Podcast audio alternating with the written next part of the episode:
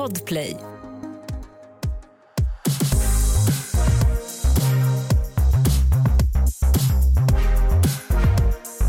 Jajamän, det är torsdag. Det rullar och välkomna till succépodden Alla våra ligg. Hej och välkomna! Vi ska idag göra någonting som har blivit väldigt efterfrågat. Ja. Eh, och eh, tydligen gillar folk när vi pratar, Alex. Mm, de, det känns skönt eftersom att det är det absolut enda vi gör. Jag tror du säger vi kan, för det ligger lite sanning i det också. Eh, Vi kan väldigt mycket. Nej, men så här är det, folk har ju eh, yttrat behov av att få lära känna oss. Mm. Och eh, det är ju svårt att lära känna människor när man är liksom på ett mission och uppdrag om att ta reda på saker om ett ämne. Mm, Så, så idag kommer vi faktiskt bara prata ifrån hjärtat. Mm. Och eh, det blir väldigt obehagligt om folk hatar det. De bara, nej, var inte er själva. Bara, eh, nu har vi testat det, gör aldrig mer om det. Tack. Ja, men vi har ju också ett eh, väldigt uppskattat segment som kommer att komma idag igen. Och Ja. det är ju veckans sexnytt eller sexspaning som vi gillar att kalla det för. Ja, och idag är det ju jag, Matilda, som kommer att hålla i det. Och jag vill bara, jag vill bara skjutsa oss fram till det här direkt. Det här är någonting jag har hållit på för att jag har varit, jag, jag har varit så, så här, imponerad, chockad eh, och glad Mm. efter att jag läste det här. Mm. Låt oss bara köra, jag ska berätta vad jag har läst. Perfekt. Och då är det så här att eh, de har gjort en intervju i eh, tidningen Mama. Alltså jag vill bara inflika att eh, alltså en av oss har ju varit med. Jag och, visste att du skulle inflika Men det, det är viktig information. Ja. Det kan vara så att det har funnits ett mittuppslag med liksom fem sidor bara om mig. Har ni inte läst det så gå in och läs det. Ja. Eh, det är faktiskt toppen. Alltså det handlar ju egentligen om att eh, hitta tillbaka till sexlivet. Ja. Mm, som föräldrar. Ja. Mm. Toppen. Mm. Men Nog det om här, nog om dig Alex, för nu ska vi faktiskt prata om eh, gravida Opakwa Britton Mhm.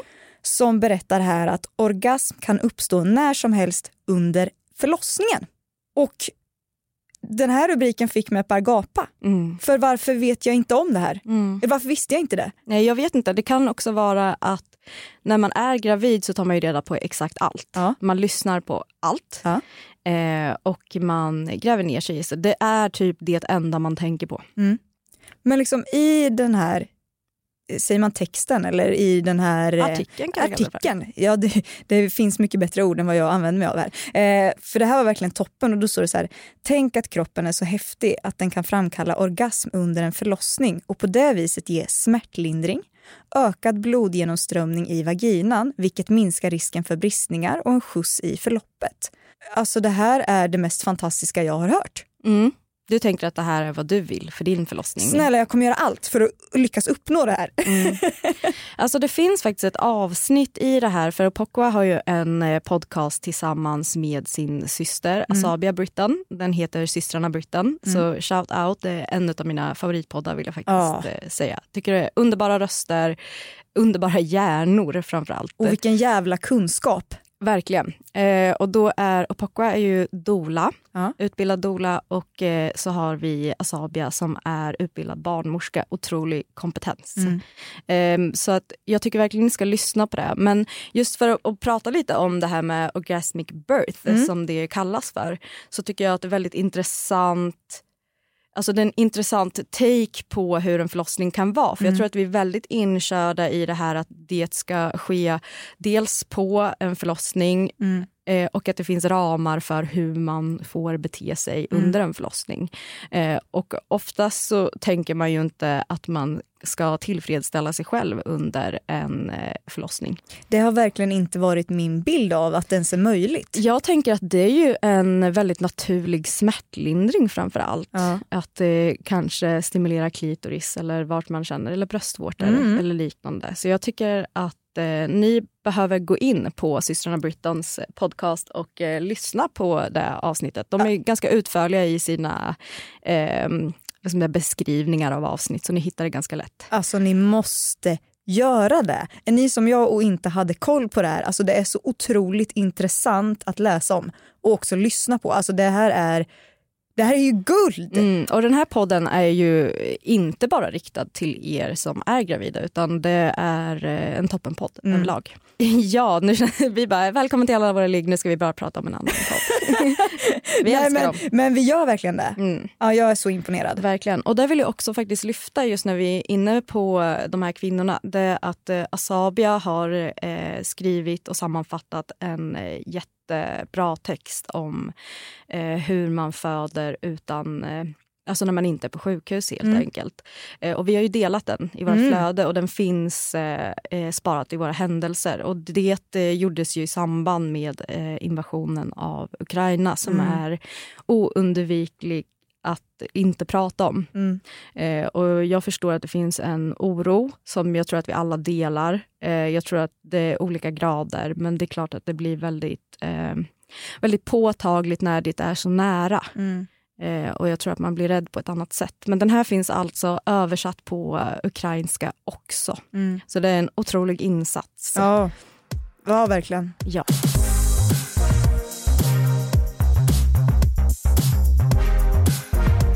Men du Mattis, är det någonting som du har funderat på den här eh, veckan? Jag funderar ju mycket överlag på allt möjligt. Men det här är faktiskt en grej som har följt mig genom alltså sen tonåringen kan man säga. Mm. Eller vet, när jag började gå till frisören och klippa håret mm. och sen så ibland så finns det så skvallertidningar. Ja. Och jag har alltid varit väldigt intresserad av rubrikerna, alltså vad det är som lyfts väldigt mycket och sådär. Eh, också därför jag fastnade på den här underbara rubriken innan med mm. Sexnytt. Men, eh, men det som slog mig redan då, det var att ofta så var det rubriker som var i princip så här. Så ofta bör ni ha samlag för att ha en sund relation. Mm. Och det här tycker jag är jävligt intressant. Väldigt. För det första så tänker jag att det är väldigt individuellt. Eh, men också så här, vad baserar man det på? Handlar det om vad man baserar för att du blir... För det finns ju många olika hälsoaspekter i det här. Mm. Att till exempel att eh, orgasmer och så där kan minska med stress och liksom bidra till ett glatt humör. Det kan minska spänningar och så vidare. Mm. Men hur avgör man ens det? Vad som är sunt. Eller liksom, förstår du vad jag menar? Du menar mängden eh, sex? Mängden sex. Alltså, när jag tänker på hälsoaspekten av sex så mm. tänker jag främst på män faktiskt. Och mm. det är mm. inte så ofta jag tänker på dem. Alex, vi ska aldrig gå dit, du vet. Nej, ja, men jag vandrar på en smal stig här. Jag ska rädda det här. Jag ska rädda det Ja. Eh, jo, det är så att eh, jag skulle skriva en artikel om eh, om prostatan. Mm. Eh, och då kom jag in på en väldigt intressant studie där man har tagit fram att eh, en, en man bör få ungefär fem utlösningar i veckan för att minska risken för prostatacancer. Vet du att jag läst där också? Ja, men det har kommit ytterligare en studie på det som säger att den allra bästa utlösningen är en utlösning som har blivit triggad av prostatamassage. Mm. Ehm, så att där finns det ju en, eh, alltså en konkret siffra på vad som är det ultimata. Vad sa vi, fem gånger i veckan ungefär? Fem utlösningar i veckan. Och då gärna via prostatastimulans? Gärna. Eh, gör det någon skillnad om det är via urinrör eller om det är eh, analt? Um, jag tänker att det ska vara en direkt eh, kontakt med prostatan så jag tror inte det. Mm. Alltså, för grejen är ju att det som sker i, under en utlösning som är triggad av prostatan det är ju att den faktiskt tömmer sig själv. Mm. Alltså så alla basiller och sånt som man har fått ja, men bara genom att andas in luften mm. mm. eh, eller käka grejor och sånt. Mm. Det, det rensas och det ligger inte kvar i prostatan mm. det sekretet och, och liksom kan ja, men bli, bli elakartat eller så. Eh, så det är väl en tumregel. Med det sagt så tycker inte jag att det är upp till kvinnor att ge män fem nej, utlösningar. Nej. Utan jag tänker att det, det, kan man tänka på en hälsoaspekt som man. Mm. Att eh, försök att få en utlösning. Och är man blyg för prostatamassage så tycker inte jag att det ska liksom stoppa er på något sätt utan skit i det då och kör på ett vanligt hedligt runk. Mm. Men jag tänker att det är ju topp öppen att onanera själv också. Älskar det. Eh, ja, jag med. Det är faktiskt underbart. Ja. Men alltså det jag tänker på, kan du känna någon stress ibland när man till exempel diskuterar med vänner sådär att ja men hur ofta har ni sex då? Ja men vi har sex så här ofta. Mm. Och det har blivit så mycket bättre i vår relation. Eller du vet sådana grejer. Ehm, nej, alltså jag gör inte det men jag tror att det också handlar om att ofta så är det ett jag i sammanhanget som har sex mest. Ja, du är den där jobbiga jäveln som bara, alltså tjejor, så här ofta ska ni ha sex. Nej. Nej men jag minns en gång väldigt väl när jag trodde att vi hade en extrem svacka i vår relation. Mm. Eh, och jag eh, var på gymmet med min eh, bästa vän, Mm.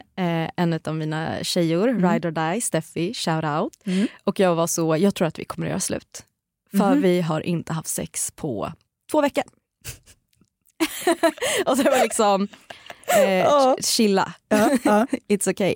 Eh, och då förstod jag att det är ju jättenormalt att inte ha sex på två veckor. Men jag fick ju för mig att här, det är något som spökar. Mm. Eh, nej men jag tror att jag har chillat lite i att eh, man har perioder Mm. väldigt ofta. Har du perioder när det inte händer? Alltså grejen är att jag tidigare så har jag inte reflekterat över alltså hur man pratar om det här, vänner eller bekanta sinsemellan så.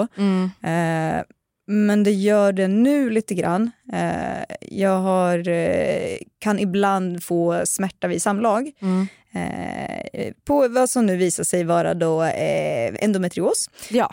Ja, och det gör att i vissa perioder så blir jag jävligt osugen Mm. för att det finns hjärnspöken som är så att nej, idag pallar jag inte få ont för att det finns ändå en risk att det gör ont och då kan det göra väldigt ont. Mm. Och då har jag ändå märkt med mig själv någonting jag inte trodde att när vi sitter och diskuterar det här tjejerna emellan till exempel, att jag verkligen kan bli lite så här att jag känner typ att, jag vet inte, att man kanske har sex mycket mer sällan nu Mm. bara för att det har byggts upp någon liten rädsla där. Mm. Men det är ju inte konstigt för så är vi ju med allt. Det är ju Mm. väldigt sällan man går tillbaka snart om du har blivit magförgiftad Mm. eller mat, matförgiftad. magförgiftad!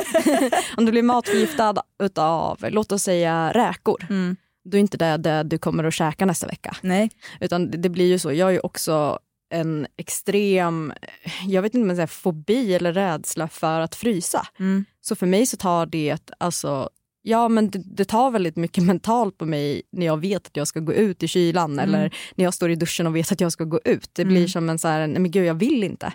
Eh, och jag kan tänka mig att det kan bli en sån grej också. Det, Mm. det är ju inte en, en smärta att leka med. Eh, och jag tror att väldigt många kvinnor som lyssnar på oss och, och unga tjejer kan känna igen sig i det här. Och det är ju någonting som jag också vill säga, att sex ska inte göra ont. Ehm, så att om det är så att man känner en smärta under samlag så bör man faktiskt eh, kolla upp det. Mm, Och det kan vara skitläskigt men det kan ju bli ännu värre om man inte kollar upp det. För Mm. det finns...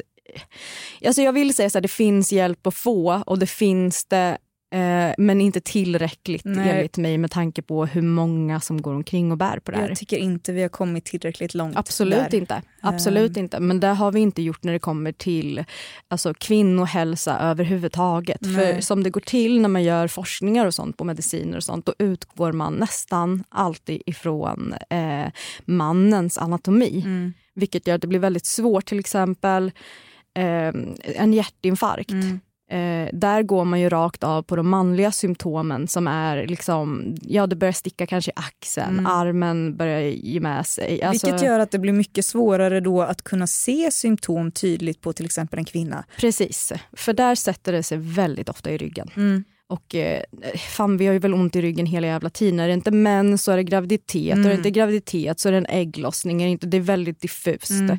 Så att eh, ja, jag tror att ju fler som faktiskt går till gyn och som faktiskt ställer krav på sin vård. mm. Eh, desto bättre kommer det att bli. Och det är jävligt sorgligt att det ska ligga på oss Ja. som, som Ja. individer. Men det är så det är tyvärr. Ja. Eh, men just det här med, eh, nu, om vi går tillbaka till rubriken så här många gånger bör man ha sex. Mm. Jag tycker det är synd. Jag tycker att man ser de rubrikerna mindre nu Ja. än vad man gjorde Yes. när vi växte upp. För när vi växte upp så var det ju, eller vi, jag glömmer alltid bort att du, du är eh, ung. En ung kvinna i dina bästa år. So. Men jag, men jag tänker, du är ändå född på 90-talet. Och jag tror att 90-talet var en, en sån våg av, eh, jag brukar kalla det för liksom lite, vi har ju gått in i en sån age of Aquarius grej nu. Eh, och det var ju också på 90-talet när Ja, men, alltså allt blev så extra extra. Mm. Alltså det var glamourmodeller, det var liksom det var Bingo Rimér, det var Hugh Hefner Mm. och Playboy Bunnies hade ett eget program liksom, Mm. på tvn. Det var sex, eh, man ska vara fri i sin sexualitet och så vidare. Mm. Och, och jag håller med om att man ska vara fri i sin sexualitet men det ger, alltså att vara fri i sin sexualitet ger en ju också valet att välja hur ofta Mm. man vill ha sex. Ja. Eh, och det tyckte inte jag riktigt framgick. Det var ju mera nej, så, nej, nej, alltså det framgår inte i de här texterna jag har läst, det kan jag tala om. knullar inte du då kommer du få en stroke. Ja, det var verkligen Lite så.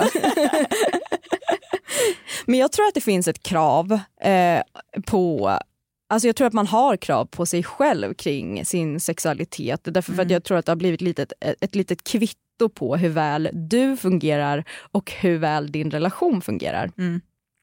Eh, skulle du kunna tänka dig att vara i en relation där man inte alls har sex? Eh, vet du att jag tror det, faktiskt. Oj! Ja. Jag hade laddat upp för att du skulle säga nej. Nej, Okej. eh, faktiskt inte. Men det är första gången jag känner så nu. För Mhm. att det är såna här tankar jag tänker på ibland. Du vet när jag ska sova och inte kan det utan bara ligger och stirrar i taket i några timmar. Eh, Då är det, kan det vara såna här grejer jag tänker på. och jag har kommit fram till nu Mm. Att det känns som det. Mm. Sen kan jag inte säga till 100% för jag har inte varit i situationen. Ja. Eh, jag vet inte hur jag skulle reagera om det blev så till Mm. exempel. Mm. Eh, men som det känns nu så känns det som det. Mm. Men jag, du vet, jag är ju väldigt verbal och tycker om att sitta och prata. Alltså sådana grejer är väldigt viktiga för mig. Ja. Sex är viktigt för mig. Eh, men, men det hade varit värre om någon sa att ni kommer aldrig mer prata med varandra, ni kommer bara ha sex. Då kommer jag, det kommer inte funka. Eh, Nej men alltså, ja när du lägger upp det så om det är liksom antingen Alex, om du måste eller knuffa över grej. något ur kanten, vem, eller vad väljer du? Ja, men det, ja men det är alltid, jag, alltid om jag ska liksom berätta för Matilda om, Det här är min bästa grej. om vem jag tycker mest om så brukar jag alltid ställa de personerna på en klippa.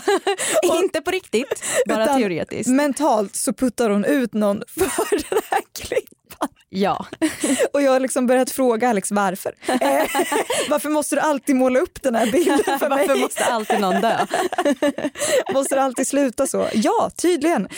Ja, men jag, vill, jag vill använda mig av starka uttryck. Ja. Mm. Men vet du, det som var spännande var att när jag verkligen funderade på det här så började jag också googla väldigt mycket.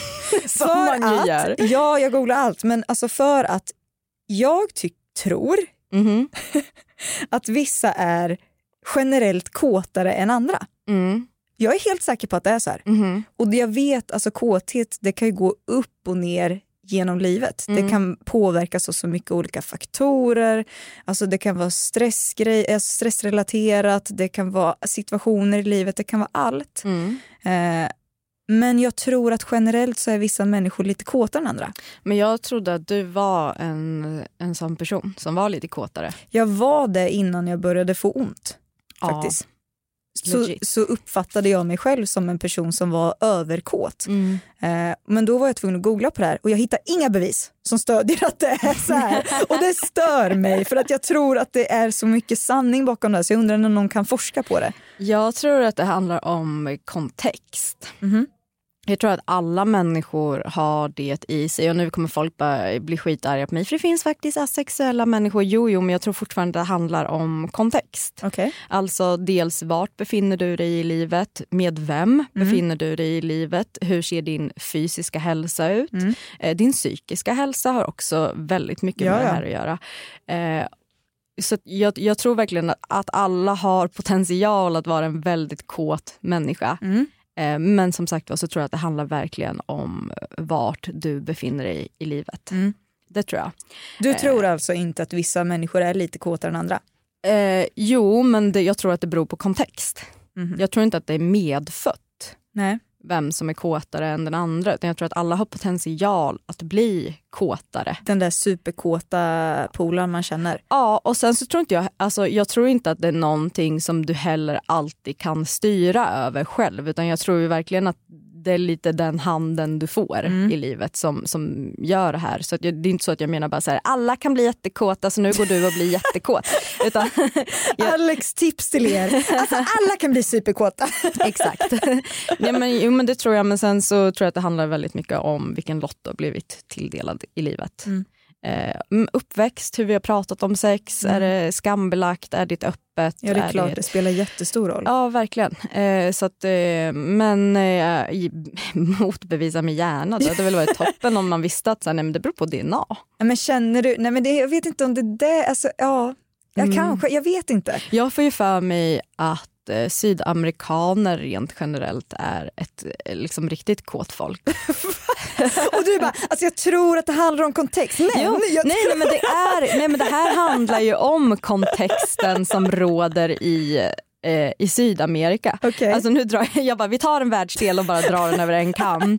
Eh, jag vill också göra en disclaimer att jag själv ju är sydamerikan. Ja. Eh, så så det, här är, det här är inte rasistiskt, okej? Det är bara internaliserad rasism. Nej, men alltså det finns en annan vibe där. Mm. Alltså går du på en fest så är det alltid en fucking salsafest. Mm. Alltså det blir... Salsa är ju sexigt. Det, det är nej, sexigt. snälla. Det är sexigt. Det här är människor som vet hur man rör sig suave. Mm. Alltså det är musiken, det är eh, värmen. För Mm. det har ju också bevisats att så fort temperaturen går upp Mm. så går också kåtheten upp. Fantastiskt. Ja, eh, så jag tänker att där är det. Sen, sen så är det ju väldigt, vad ska man säga, det är ju många, många delar är ju katolskt. Mm. Eh, eh, majoriteten katolskt. Mm. Eh, så att det har ju varit väldigt mycket kring eh, preventivmedel och Mm, abort och, yes. och, och så vidare. Eh, som man fortfarande kämpar väldigt aktivt med eh, i, i den delen av världen Mm. eh, som också hämmar såklart en sexualitet. För där, ni kanske undrar, men jag är ju feminist. Undrar någon verkligen? jag tror alla har varit väldigt duktiga på att lägga fram att vi båda är det. Ja, Eh, och, precis. eh, ja. Mm, ehm, och för mig så är ju för mig så är den stora punkten i feminism är att jag anser att det allra viktigaste för kvinnor är att få rätt till sin produktion. Mm. Alltså som i preventivmedel, vill man ha barn, vill man föda barnet, Mm. vill man inte föda barnet. Vill, alltså att allt det här ska vara upp till eh, kvinnan Mm. i sig, min kropp och så vidare. Mm. Eh, och när man stänger in kvinnans rätt till sin egen reproduktion Mm. Så stänger man ju också in kvinnans sexualitet. Ja, verkligen. Eh, så att jag tror att det har blivit ett, ett uppror på ett annat sätt Mm. där. Eh, när det kommer till den kvinnliga sexualiteten. För att om jag inte kan göra någonting åt min eh, reproduktionsrätt så Mm. kan jag fortfarande ta kommando över min sexualitet. Mm. Och det tror jag har blivit någonting. För att många kvinnor, nej, gud, jag hatar verkligen att det känns som att jag bara, alla, alla sydamerikanska kvinnor är så här. Det är inte det jag menar men det finns en, vad ska man, en självmedvetenhet kring att man är en sexuell varelse Mm. på något sätt som jag gillar väldigt mycket. Ja. Sen så tycker jag dock att det är lite tråkigt att det alltid är så man ska porträttera sydamerikanska kvinnor för att Mm. det finns ju väldigt, väldigt mycket mera djup där. Såklart. Men sen är det ju så att när man kollar på Modern Family och så vidare då är det ju en otroligt sexig eh, latina. ja. ja, helt sjukt. Ja. Poddtips från Podplay. I podden Något Kaiko garanterar östgötarna Brutti och jag, Davva, dig en stor dos skratt. Där följer jag pladask för köttätandet igen. Man är lite som en jävla vampyr. Man har fått lite blodsmak och då måste man ha mer. Udda spaningar, fängslande anekdoter och en och annan arg rant. Jag måste ha mitt kaffe på morgonen för annars är jag ingen trevlig människa. Då är du ingen trevlig människa, punkt. Något Kaiko, hör du på Podplay. Därför är gardinerna. Vi har ju faktiskt fått en fråga som berör alltså ämnet kanske vad ska man säga, ojämnt sexuellt driv. Mm. Ja. Och det tycker jag är ett, ett jävligt viktigt ämne att lyfta här. Mm. Eh, och det baserar verkligen på att vi som jobbar, både dels att vi pratar om det väldigt öppet så här i podd, Mm. eh, men också i butik och sådär, att man, man möts av väldigt mycket frågor kring det här tycker jag. Eh, och jag tycker att vi, det är dags att lyfta det. Mm. Eh, så jag kommer att läsa upp, jag kommer att läsa upp mejlet här. Hej finaste podden. Älskar er och lyssnar på er. Tycker ni är fantastiska som har tagit över podden. Men jag har ett problem. Känner mig ensammast i världen. Men logiskt sett så inser jag nog att jag inte är det. Jag har en fast relation med min kille. Vi har snart varit tillsammans i två år. Men jag har vid ett flertal gånger, jag har tappat räkningen, tagit upp att jag vill utforska och utveckla vårt sexliv. Till exempel klä ut sig eller göra något roligt av det. Men han tar allt som kritik. När jag frågade att du kanske kan klä ut dig på ett lite skämtsamt sätt för att liva upp det och att vi ska ha lite kul tillsammans så fick jag till svar, gör folk ens det? Vad är det för sjuka människor som gör det ens? Måste man klä ut sig för att kunna ha sex med varandra eller vad menar du? Och efter det så kände jag mig som världens äckligaste och konstigaste människa. Vågar inte föreslå någonting för att jag är rädd för reaktionen. Jag har flera gånger via sex också påtalat att när jag inte kommit innan honom bett honom fortsätta på mig och så säger han oftast att han inte orkar eller att han inte är sugen längre för att han redan har kommit. Varpå jag känner mig dum, igen. Jag behöver väl inte ens säga att han inte vill prata om detta. Jag har försökt på massa olika sätt. Säga det på ett skämtsamt sätt, säga det på ett allvarligt, när det är bra stämning, när det är dålig stämning. Jag har till och med skrivit meddelande för att jag tänker att han kanske kan ta emot detta på ett bättre sätt. Ah, classic. Mm. Allt för att ta ansvar för hans känslor. Usch, många jättejobbiga känslor. Kan ni snälla hjälpa mig? Vad tror du är grunden till eh, att den här eh, mannen då i fråga eh, är så himla anti? Nej, men jag tror det vanligaste tänker jag brukar handla mycket om att, de känner, att människor kan känna det som en kritik till Mm. dem. Mm. Att känna, duger inte jag som jag är? Varför vill min partner ändra vårt sexliv? Är det någonting som är dåligt fast jag tycker att det är jättebra? Mm. Eh, Jag tänker att det kan ligga mycket i det att kanske den ena personen är toppennöjd Mm. Och då också att det kommer lite som att någon drar undan mattan under fötterna på en att så här, okej min partner är inte nöjd i vårt sexliv. Mm. Vilket jag tycker är synd för att när någon lägger fram att jag vill utforska, jag vill prova, kan vi göra det här tillsammans? Jag tycker att det är jävligt fint. Mm. Mm. Alltså jag kan också tänka lite på det. Jag har hört talas om Madonna-horekomplexet. Nej, men det känns som att jag borde ha gjort det. Eh, Det här är en klassisk Freud-teori. Mm. Eh, och eh, Madonna-hora-komplexet grundar sig ofta i att man eh, sätter upp kvinnan som man lever med på en pedestal, alltså kvinnan man kanske har valt att leva sitt liv med. Så att man vill inte Ja, men man gör henne så helig så man vill på något sätt inte besudla henne för det är, liksom, det är en horsak. Mm. Eh, nu, nu var det väldigt så, vad ska man säga, snabbt. snabbt och det finns väldigt många andra aspekter i det här. Mm. Men jag kan ibland tänka att såna här saker handlar om det. Mm. Hur ska jag se på dig efter att jag har sett dig i en, eh, vad ska man säga, eh, outfit. En brandmanskostym. Ja men ponera att det är så, hur ska jag se på dig det här? Säg, säg att det är en, en kvinna som väldigt gärna vill ta en sats i ansiktet för att man tycker att det är lite härligt. Hur, hur ska jag kunna göra det här på dig och sen se dig eh, amma våra barn? Mm. Det är lite den, den, eh, den krocken. Har du sett på många människor som har berättat det här för dig? Alltså att de känner så? Nej, för att jag tror att just när det kommer till de här komplexen så är man inte införstådd i vart det grundar sig. Nej. Eh, ofta så handlar det ju om det. Mm. det är ju, eh, man kan ta en, en annan sån teori, alltså där, där det kommer till kom, komplex, just det är Oidipuskomplexet Mm. eh, som händer med barn. Mm. Eh, Oidipuskomplexet har du koll på? Nej. Nej, det är... Jag lär mig så nya komplex idag och det här, det här är underbart. Det handlar om en eh, mytologisk berättelse. Ja men det vet jag, jag vet vem Oidipus är. Ja, Eh, och han blir ju otroligt förälskad i sin eh, mor Mm. och dödar ju sin far. Just det. Jo, jo, jo.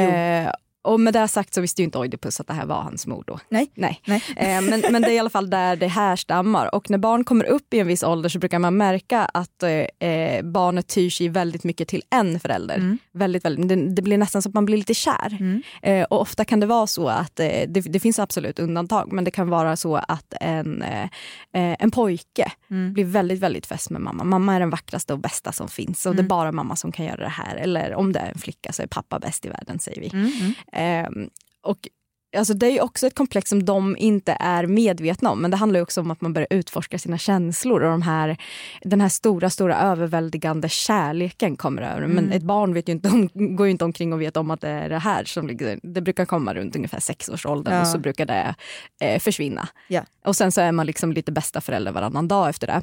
Men jag tror att det här också är någonting som män är i allra högsta grad drabbade Mm. eh, vid. Det kan man ju också kolla på, om vi kollar på ett eh, program som till exempel The Bachelor. Mm. Då märker man ganska snabbt om det är en person som man är intresserad av på ett sexuellt plan Mm. eller om det här är en person som man tänker den här kan jag ta hem till mamma. Ja, För då har man gjort en det där är avvägning. jävligt intressant. Och väldigt vanligt. Ja. Väldigt vanligt att det här är liksom, det här är liggmaterial och det här är frumaterial. Fast vet du, jag har fått höra den en gång. Mhm, vilket var du då? Ja, jag var liggmaterial. Ja. Ja. Det var faktiskt sjukt för att jag frågade inte om det utan Mm. jag fick det upptryckt i ansiktet. Ja, så jag tänker att det är där vi, vi, vi kanske håller hus där. Mm. Eller så är det precis så som du sa. Mm. Att man blir stött Mm. för att så här, jag räcker inte till.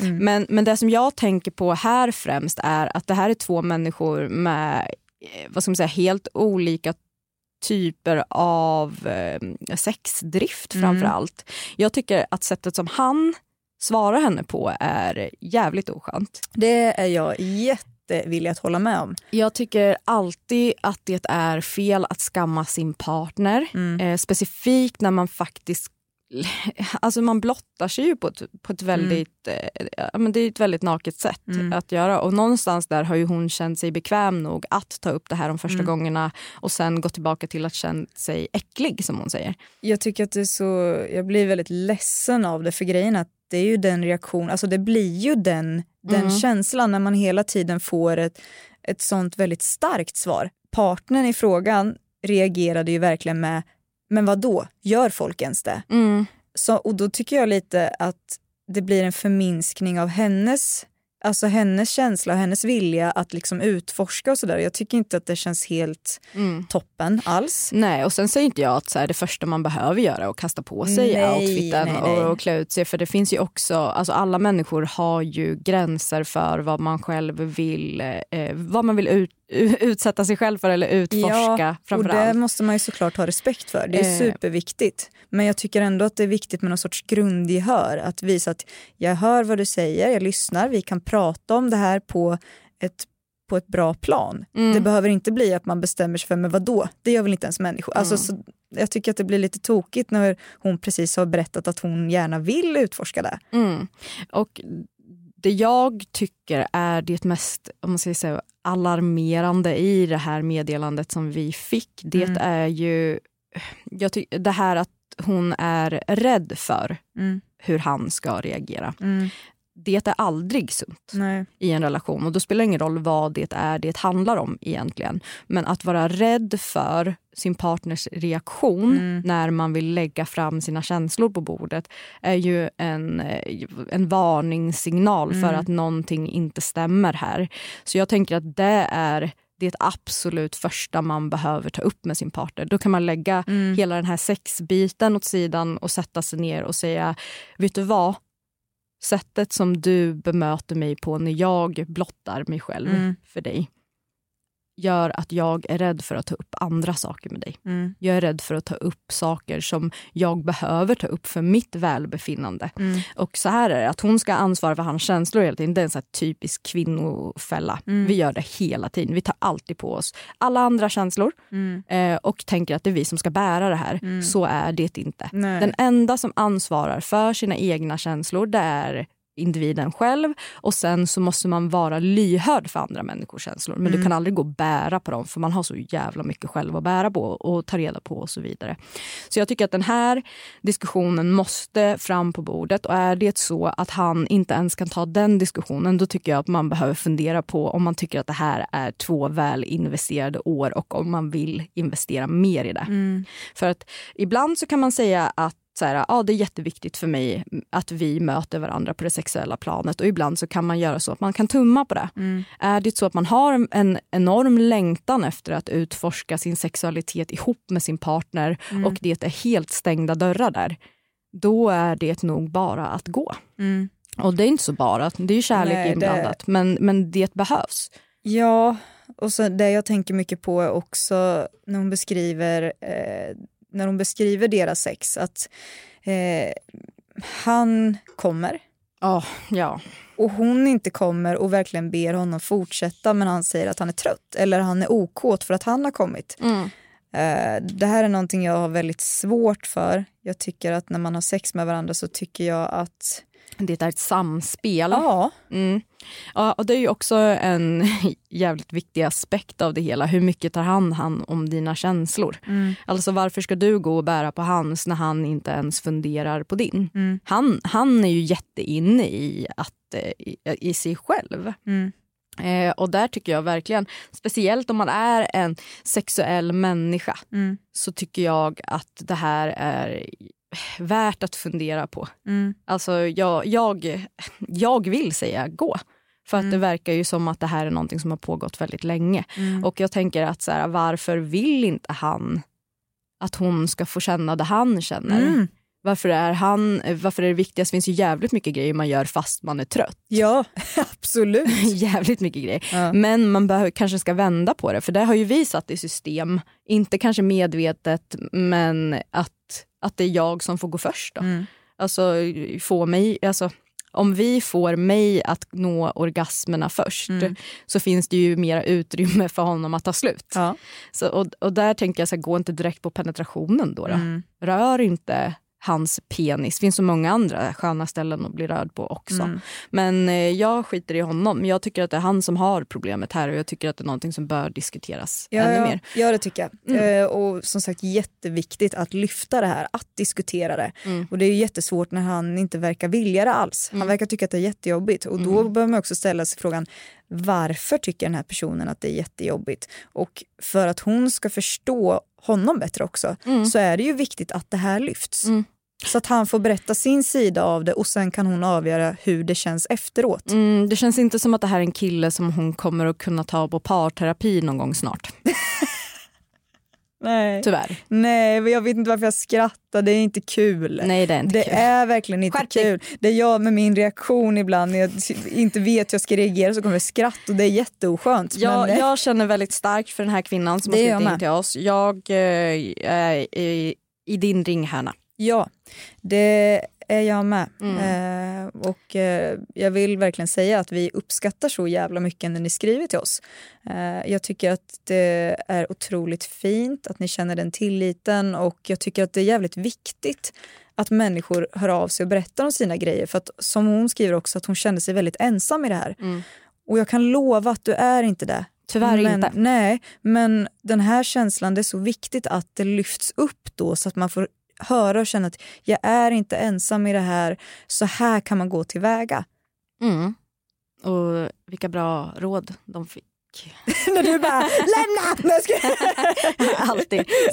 Google, spela Sherry, lämna han.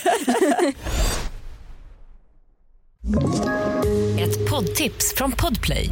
I fallen jag aldrig glömmer djupdyker Hasse Aro i arbetet bakom några av Sveriges mest uppseendeväckande brottsutredningar. Går vi in med hemlig telefonavlyssning och, och då upplever vi att vi får en total förändring av hans beteende. Vad är det som händer nu? Vem är det som läcker?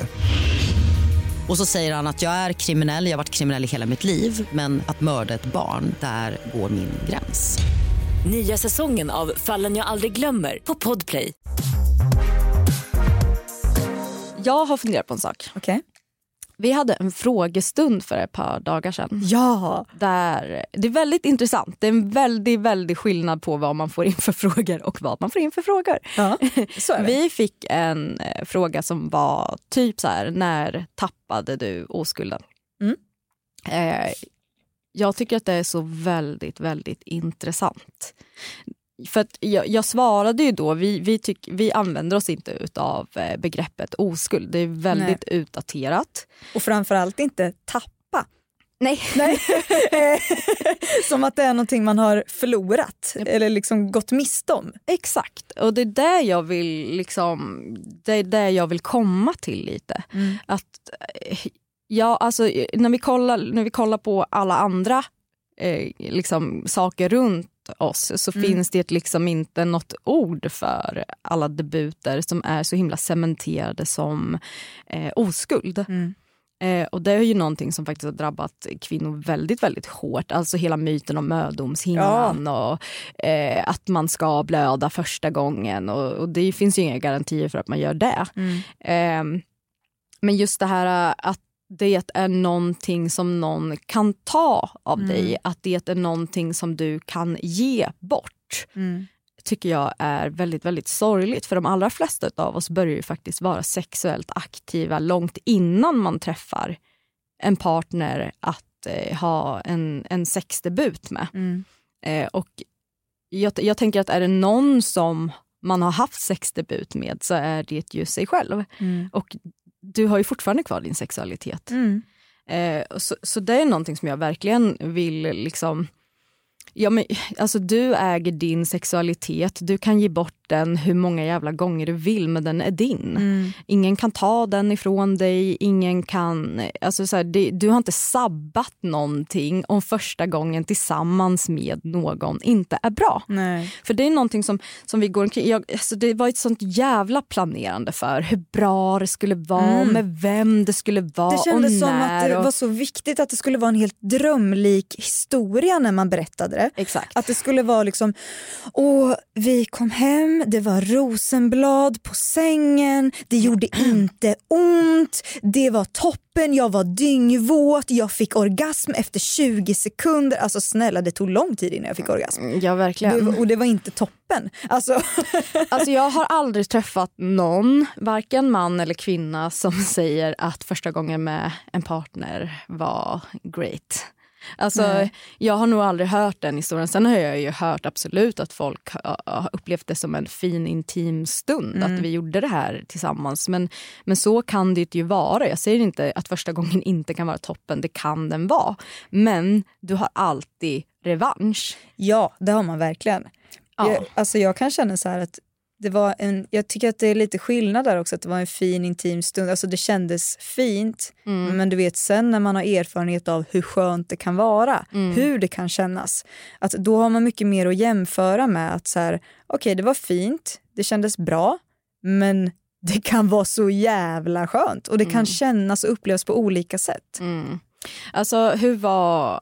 Du, du behöver absolut inte gå in på detaljer men skulle du säga att du var nöjd efter din första gång? Jag kan känna så här i efterhand att jag eh, kanske önskar att jag hade väntat lite grann. Mm. Eh, för att i mitt huvud så var jag den mest redo personen någonsin. Ja gud ja. Nej men snälla, det var så här, har jag väntat så här länge? Det är ju helt sjukt.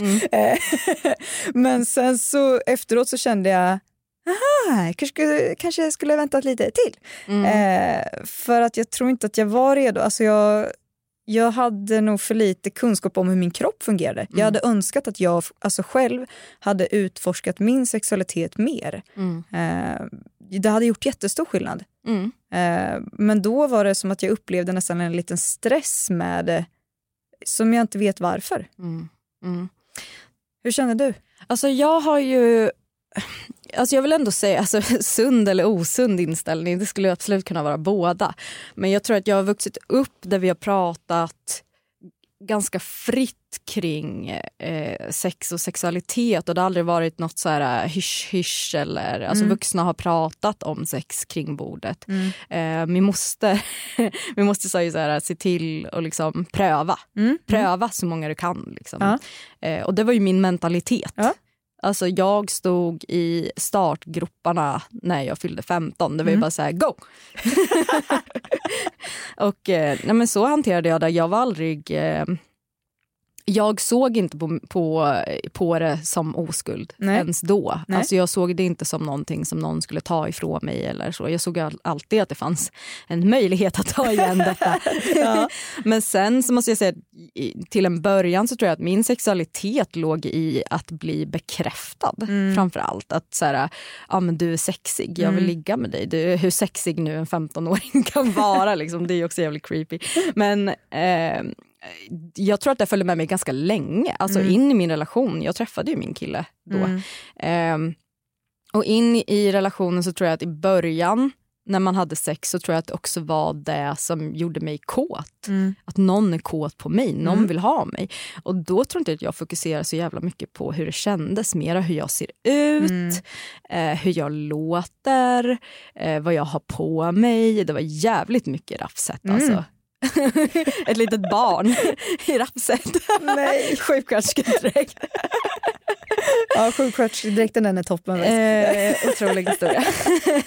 men, men så att så här, men för mig har inte det varit problem och jag önskar att eh, alla tjejor där ute fick känna så. Även om jag önskar att de allra flesta också kunde se till sina egna behov när det Mm. kommer till njutning framför allt. Att njutningen inte ska grunda sig i att någon annan vill ha dig utan att så här, Mm. det här känns skönt. Men det är därför vi pratar mycket om det, du och jag. Att så här, utforska och verkligen, eh, verkligen njut av din kropp. Det, det är ett mästerverk. Alltså, Ja men verkligen, det är liksom en, en, en direkt kontakt till ditt eh, stimulicenter. mm. Alltså det är ju precis samma sak som att gå ut och ta en cigg eller att dricka alkohol. Ja. Nej, men det, det, låter ju det, det låter kanske simpelt men, men det är ju så för det är samma Det- ja. blödningssystem som kickar igång. Så att just det här att att vända sig till onani, i, i, alltså precis som bonoboapan. Ja. Jag tror att det är ett sunt sätt att se på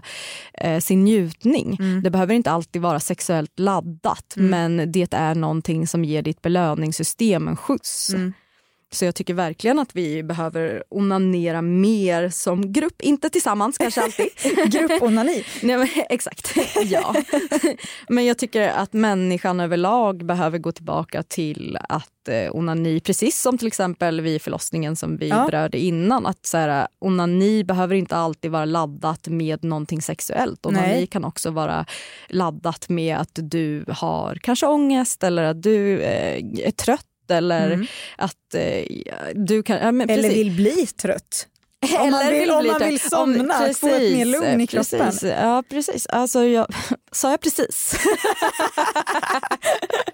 Nej, eh, ta det igen. precis så är det.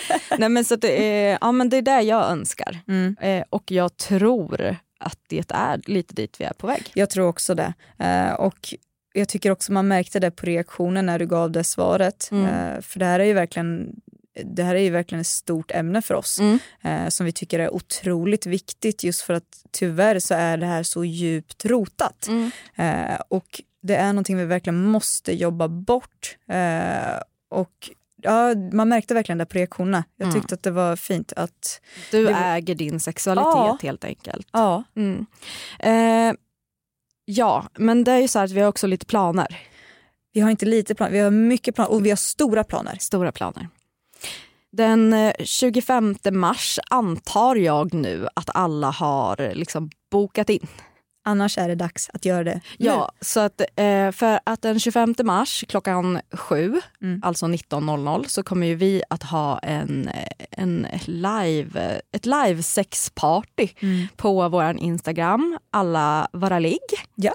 Eh, det blir lite norsk. Ja. Hvis du liker det, så kan jeg snakke litt norsk med deg. Ja, för helvete. jag snäger bara den. Eh, men i varje fall, då kommer ju vi att eh, bjuda in er helt gratis Mm. till ett eh, sexparty där vi faktiskt kommer att visa upp olika sexleksaker. Vi kommer att förklara dem, vi kommer att ge handfasta tips. Ja. Eh, det, det kommer bli skitmysigt och det gör ju vi i samband med att eh, jag har fyllt år. Mm. Eh, som absolut alla har koll på nu. Jag har fyllt år. Eh, ja, Och vi missade. firar ända fram till påska. det är längre i år än vad det var förra året. Så jävla Det är långt. inte bara en vecka utan nu snackar vi lång tid. Mars är mitt också nu. jag claimade mars. Ehm, och eh, det vi vill göra är att vi vill samla in pengar till eh, otroliga organisationen Kvinna till kvinna. Eh, de behövs mer än någonsin. De behöver mer resurser än någonsin med tanke på hur världsläget ser ut. Ja. Ehm, så det vi önskar är att ni kommer och joinar oss och eh, skänker det ni kan under tiden till Kvinna till kvinna. Mm. Ja. Ehm, så det blir fest. Det, blir, det kommer bli väldigt, väldigt festlig stämning. Och det här är ju faktiskt, eh, folk brukar faktiskt komma till butiken och eh, få den här eh, ja, men sex, eh, vad heter det, hjälp mig, sexpartyt. Ja. De betalar dyra pengar för att höra Matilda liksom hålla låda. Och nu får ni liksom det sjukaste, ni får Alex som kommer stå med mig och vi kommer att visa er det sjukaste, alltså det bästa av det bästa. Vi har verkligen suttit och gått igenom. Vi har handplockat. Vi har handplockat och det är också det vi står för. Mm. Att vi vill verkligen bara rekommendera det vi verkligen kan stå för. Vi skulle aldrig jobba på ett annat sätt. Nej. Ehm, så joina oss. Det här är alltså ett ypperligt tillfälle att eh, samla gänget och Gör eh, det. förfesta. Gör det. Vi ses den 25 klockan 19.00 Ja, på, på alla. alla vara ligg. Det är så flink. Ah. Hörrni, tack för att ni har lyssnat. Hoppas att ni tyckte att det var okej ändå. Fast vi bara liksom köta köta. vi ses nästa torsdag och på vår Instagram alla våra ligg ses vi varje dag. Det gör vi. Ha det bra.